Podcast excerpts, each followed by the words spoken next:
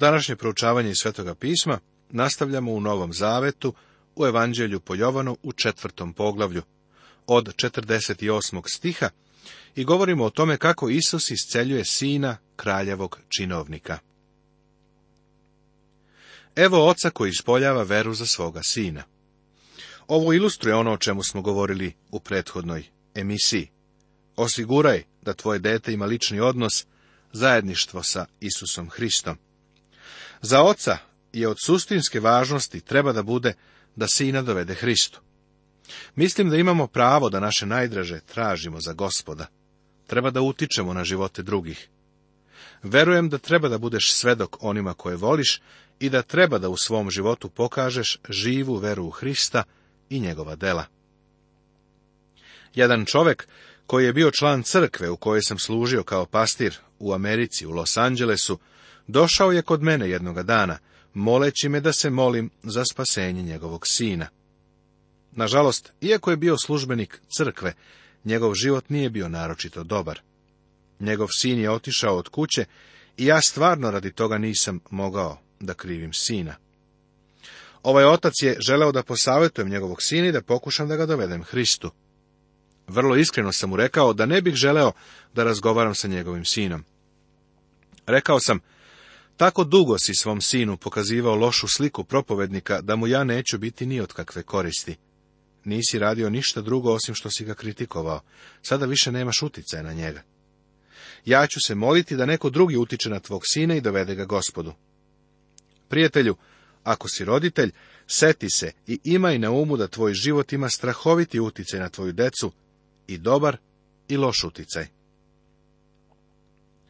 Kraljev činovnik je došao kod Isusa, moleći ga da ode sa njim i isceli njegovog sina, koji je bio na samrti. Tada mu reče Isus, ako ne vidite znakova i čuda, nećete da poverujete. Reče mu kraljevski činovnik, gospode, siđi dok nije umrlo moje dete. Reče mu Isus, idi, tvoj sin živi. Čovjek poverova reči koju mu reče Isus i ode. Ovaj čovjek je tvrdio da ne traži znake i čudesa, nego da želi svoga sina. Samo to mu je bilo važno. Isus je odgovorio na veru čovjeka i iscelio je dečaka. To je divno. Međutim, šteta je što sina nije doveo u Hristovo prisustvo. Ovo je bilo od krajnje važnosti. Nadamo se da je to učinio nakon što se dečak oporavio. Samarijanka, iako je bila loša žena, dovela je ljude u lični kontakt sa gospodom Isusom. Ti možeš imati utjecaj na nekoga na koga ni jedan propovednik ne može da utiče. U stvari, niko osim tebe tu osobu ne može da dosegne. Ti imaš utjecaj na tu osobu. Svakako je dovedi licen u lice sa Hristom. No još na putu sretoše sluge, javljajući da je njegovo dete u životu. On se raspitivaše od njih za čas kada je pošlo na bolje. Rekoše mu da ga je juče u sedmom času pustila groznica. Teško je biti siguran koje vreme Jovan koristi prema rimskom vremenu, ovo je bilo negde oko sedam sati uveče. Tada je razumeo otac da je to bilo u onaj čas kada mu je Isus rekao, živi tvoj sin, i poverova on i sav dom njegov. Ovo pak drugo čudo učini Isus kada dođe iz Judeje u Galileju. Otac i ceo njegov dom su poverovali u Hrista. Svako od njih pojedinačno je pokazao ličnu veru, ali je ovaj čovek, otac, imao uticaj na njih i doveo ih Hristu. Reč za čudo ovdje je u stvari reč za znak. Ovo je drugi znak koji je Isus učinio. Poglavlje peto tema. Isus isceljuje čoveka u banji Vitezdi. Treće delo. Peto poglavlje nas dovodi do divnog događaja isceljenja nemoćnog čoveka koji se zbio u banji Vitezdi. Na neki način ovo čudo predstavlja prekretnicu u Hristovoj službi. Vidiš, ovo čudo je dovelo do toga da su počeli da ga uhode oni koji su ga mrzeli i nisu se povukli sve dok ga nisu prikovali na krst. Obrati pažnju na 16. stih. I zato su judeji gonili Isusa, što je to činio u subotu. A Isus im odgovori, Otac moj stalno radi, pa radim i ja. Zbog toga su opet judeji još više tražili da ga ubiju, ne samo što je razrešavao subotu, nego što je i Boga nazvao svojim ocem, izjednačujući se sa Bogom. Sukob sa njima je izbio zbog subotnjeg dana nikada mu nisu zaboravili ono što je učinio u subotu. Mrzeli su ga jer je rekao, subota je ustanovljena radi čoveka, a ne čovek radi subote. Čudo koje je gospod ovdje učinio u njihovim srcima je izazvalo želju da ga ubiju. Mrzeli su ga zbog subote i zbog toga što se izjednačavao sa Bogom. Izjednačavati se sa Bogom isto je što i polagati pravo na božanstvo. Slušao sam kako liberalni hrišćani govore da Biblija ne poučava o Hristovom božanstvu. Ne znam o čemu ovi ljudi govore. Mislim da su ili strašne neznalice, ili su potpuno nepošteni. Možeš da se ne slažeš sa gospodom Isusom, možeš da se ne slažeš i sa Biblijom, ali kako drugačije da protumačiš ove jednostavne reči, izjednačavajući se sa Bogom? Ako ovo nije polaganje prava i tvrđenje božanstva, onda ne znam kako bi se to moglo drugačije učiniti. Hajde da se sada vratimo na početak poglavlja. Poglavlje počinje judejskom svetkovinom. Postavlja se pitanje koja svetkovina je bila u toku. Verovatno pasha. Jevreji su imali tri velike svetkovine. Tri puta u godini neka dođe svako muško pred gospoda Boga tvojega na mesto koje izabere, na praznik presnih hlebova, na praznik nedelja i na praznik senica. Pošto u drugom poglavlju Jovanovog evanđelja vidimo da je Pasha u toku, a u Jovanu u sedmom poglavlju imamo praznik Senica, mnogi pretpostavljaju da je ovdje reč o prazniku Pentekosta. Ovo ne piše, jer se tome ovdje ne pridaje naročita važnost, i ja mislim isto da je ovdje reč o Pashi. Posle toga beša judejski praznik i Isus ode gore u Jerusalim. A u Jerusalimu, kod ovčijih vrata, ima jedna banja sa pet tremova, koja se jevrejski zove Vitezda. U njima je ležalo mnoštvo bolesnika, slepih, hromih, sušičavih, koji su čekali da se voda zatalasa. Ovde gdje je bila banja, stvarno su bila ovčja vrata, a ne tržnica. Banja se zvala Vitezda, što znači kuća maslina ili kuća milosti. Imala je pet tremova. Na njima je ležalo veliko mnoštvo ljudi. U boljim rukopisima ne piše reč veliko, ali to ipak ne menja smisao, jer mnoštvo samo po sebi znači da je broj ljudi bio veliki. U nekim prevodima piše mnoštvo nemoćnih ljudi, što znači ljudi bez snage. Pre mnogo godina, kada sam bio pastir u gradu Pasadeni u Americi, otišao sam u Preventorium, da govorim. Tamo se nalaze mladi ljudi koji imaju slaba pluća ili tuberkulozu, i tamo su bili pod medicinskim nadzorom. Bili su spremili vaskršnji program. Bio je tu jedan mladić koji je napamet recitovao celo peto poglavlje Jovanovog evanđelja, svih 47 stihova. Napravio je samo jednu grešku, iako sam uvek smatrao da i to nije bila neka greška. Treći stih je ovako recitovao, u njima je ležalo mnoštvo važnih bolesnika. Samo se nekoliko ljudi nasmešilo kad je to rekao. Razmišljao sam o tome i shvatio da je u pravu. Ti ljudi su bili važni. Zbog jednog od njih, gospod Isus je došao na ovo mesto, a svi drugi su mogli da mu se obrate. Bili su mu važni. Četvrti stih ovog poglavlja se ne nalazi u boljim rukopisima. Kada to kažem, ne znači da ne verujem u nepogrešivost Svetog pisma. Želim da te uverim da verujem u nepogrešivost Svetog pisma. Šta misliš, zašto bih inače proučavao celokupnu Bibliju. Ali smatram da treba da budemo obazrivi kada su u pitanju određeni biblijski učitelji, fundamentalni, konzervativni učenjaci, koji smatraju da pošto ne postoji u nekim boljim rukopisima, onda ga je neko dopisao, kao reči objašnjenje. Mislim da stih iznosi činjenicu, a meni lično pomaže da razumem zašto je tu bilo mnoštvo tih nemoćnih ljudi. Bez obzira na to da li ovaj stih pripada svetom pismu ili ne, nije vredno raspravljati se. Za mene ovo nije od suštinske važnosti, jer postoji nešto daleko značajnije. Međutim, želao sam da dam ovo objašnjenje. Jer je anđeo silazio u određeno vreme u banju i zatalasavao vodu. I ko je prvi ušao, pošto se voda zatalasa, bivao je zdrav, ma od koje bolesti da je patio. Evo objašnjenja zašto su oni ljudi bili tamo. Verovalo se da anđeo u određeno vreme zatalasa vodu. Lično smatram da se tu desilo mnogo isceljenja, i to psiholoških. Danas je veliki broj ljudi, baš kao što je bilo i onda, koji su bolesni u umu, bez znanja, sueverni. Priličan je broj onih koji idu kod iscelitelja i veruju da su isceljeni. Uvek se postavlja pitanje da li su uopšte bili bolesni. Sledeće pitanje jeste da li su trajno isceljeni. Želim da istaknem da smatram da gospod Isus isceljuje danas, baš kao što je isceljivao kod banjevi tezde. A ovaj čovjek nije bio isceljen zbog talasanja vode.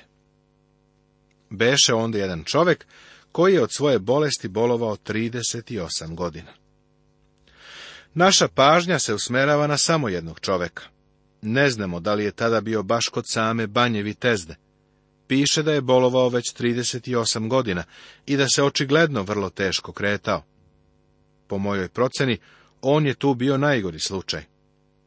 Zamisli samo kako je strašno to bilo ovom nesrećniku. Čak i da nije bio tamo 38 godina, morao je biti mnogo godina. Sigurno je bio stariji od 38 godina, a njegovo stanje je bilo posljedica njegovog greha. U stihu 14. gospod Isus mu je rekao, Vidiš, ozdravio si. Ne greši više da te ne snađe što gore. Lako možemo zamisliti kako taj sirotan leži tamo, pogleda uperenog na vodu i čeka da se voda zatalasa. Nekako se nadao da će on biti prvi koji će sići do vode. Ali sledilo je razočarenje za razočarenjem. Bio je u tako lošem stanju da su uvek drugi ljudi prvi stizali do vode. Siguran sam da je video mnogo isceljenja. Ljudima bolesnog uma bio je isceljen um. Gospod je očigledno znao da je ovaj čovjek već dugo vremena bio nemoćan i da je kod banje dugo čekao. Zapazi kako mu prilazi. Videvši Isus ovoga kako leži i saznavši da već dugo boluje, reče mu, hoćeš li da ozdraviš? Ovo je neobično pitanje upućeno bolesnom čoveku, delo je prilično Apsurdno. Naravno da je želeo da ozdravi, ali gospod je iz dva razloga želeo da mu postavi to pitanje. Prvo da izazove nadu kod ovog čoveka. On je bio beznadežan slučaj, pa smatram da je svetlost nade prilično nestala iz njegovog života, a on je bio u očaju. Zatim, i ovo je najvažnije, Isus je želeo da ovaj čovjek skrene svoj pogled sa bazena, odnosno banje. Želeo je da pogleda njega, Isusa, Mislim da ovaj čovjek nikada nije primećivao nikoga drugog ko je tamo dolazio. Nikada ništa drugo nije gledao, samo je posmatrao banju. Zato mu gospodu pućuje pitanje, da li stvarno želiš da ozdraviš? Mislim da bi svaki normalan čovjek podigao pogled. Ko to postavlja takvo pitanje?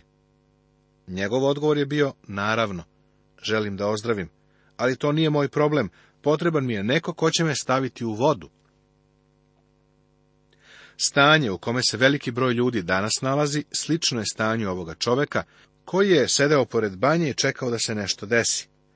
Dovoljno sam smeo da kažem da je ovo stanje u kome se danas svi mi nalazimo. Čekamo. Samo pomisli u našem vremenu na ljude u našim crkvama koji čekaju na neka velika emotivna dešavanja da ih obuzmu. Zatim tu su i oni koji odlažu odluku donošenja za Hrista. Nisu spremni da mu se obrate opet traže neke emotivne doživlje. Traže prvo da im se nešto dogodi. Sljedeća velika grupa ljudi je usmerena samo na posao. Oni čekaju da se nešto dogodi da bi se brzo obogatili. Bio sam pastir u mestu gde su bušili naftu. Znao sam mnoge između mojih ljudi, koji su samo sedeli unaokolo i gledali suve bušotine. Nije bilo nikakvog protoka, ni vode, ni ničeg drugog, bilo je suvo. Želeli su da to jednoga dana postane bušotina nafte i njihove oči su bile usresređene samo na ono što je fizičko. Pošto su bili obuzeti materijalnim stvarima, izgubili su iz vida gospoda Isusa. Potom ima mnogo i onih ljudi koji traže neke pojedince. Čuli su da je neko nešto doživeo, pa žele da se nešto slično desi i u njihovom životu.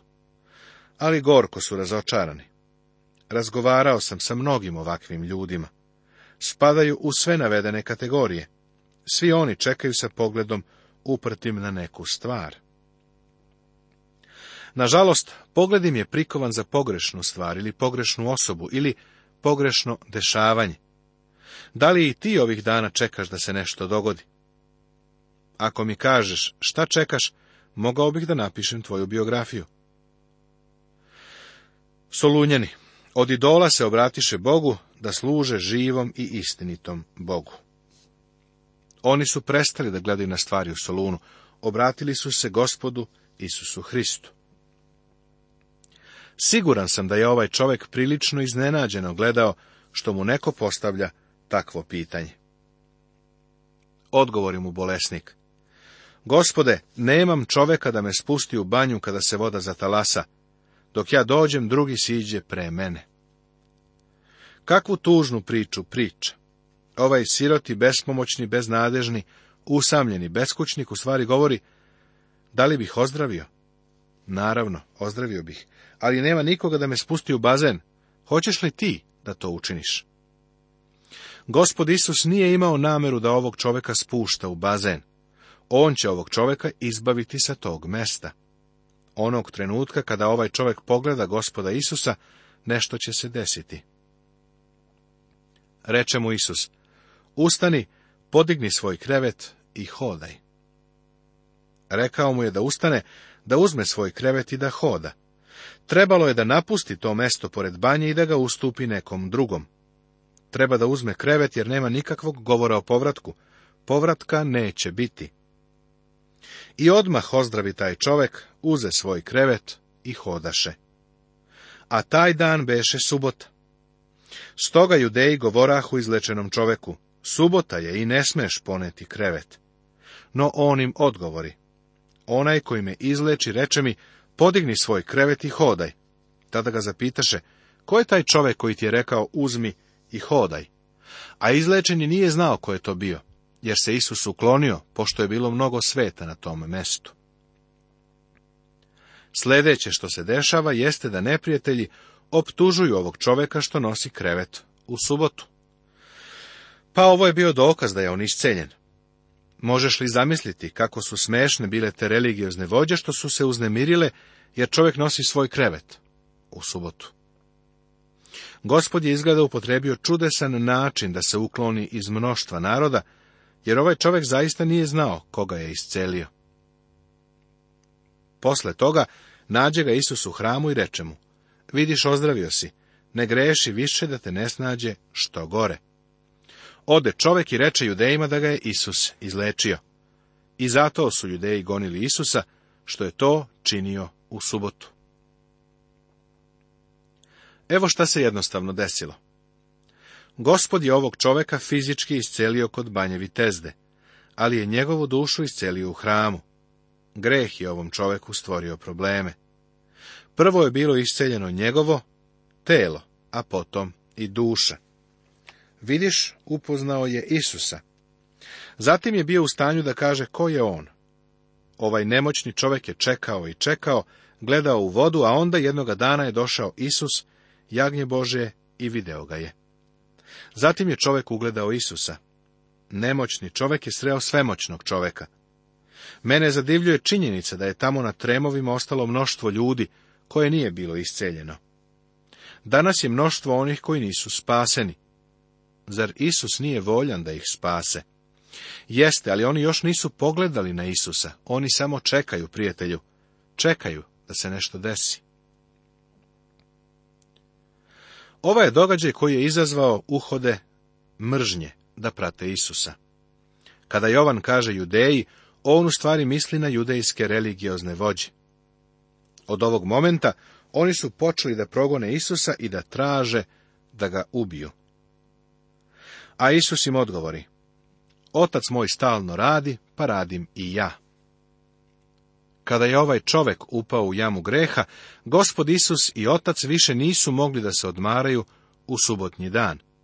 Iako se Bog odmarao nakon stvaranja fizičkog svemira, posle čovekovog pada se nije odmarao, jer je čovek kao goveče, upao u jamu. Zbog toga su opet judeji još više tražili da ga ubiju, ne samo što je razrešavao subotu, nego što je i Boga nazivao svojim ocem, izjednačujući se sa Bogom. Ovi ljudi se nisu primirili, sve dok pod krstom ipak nisu skrstili ruke. Nastavit će se.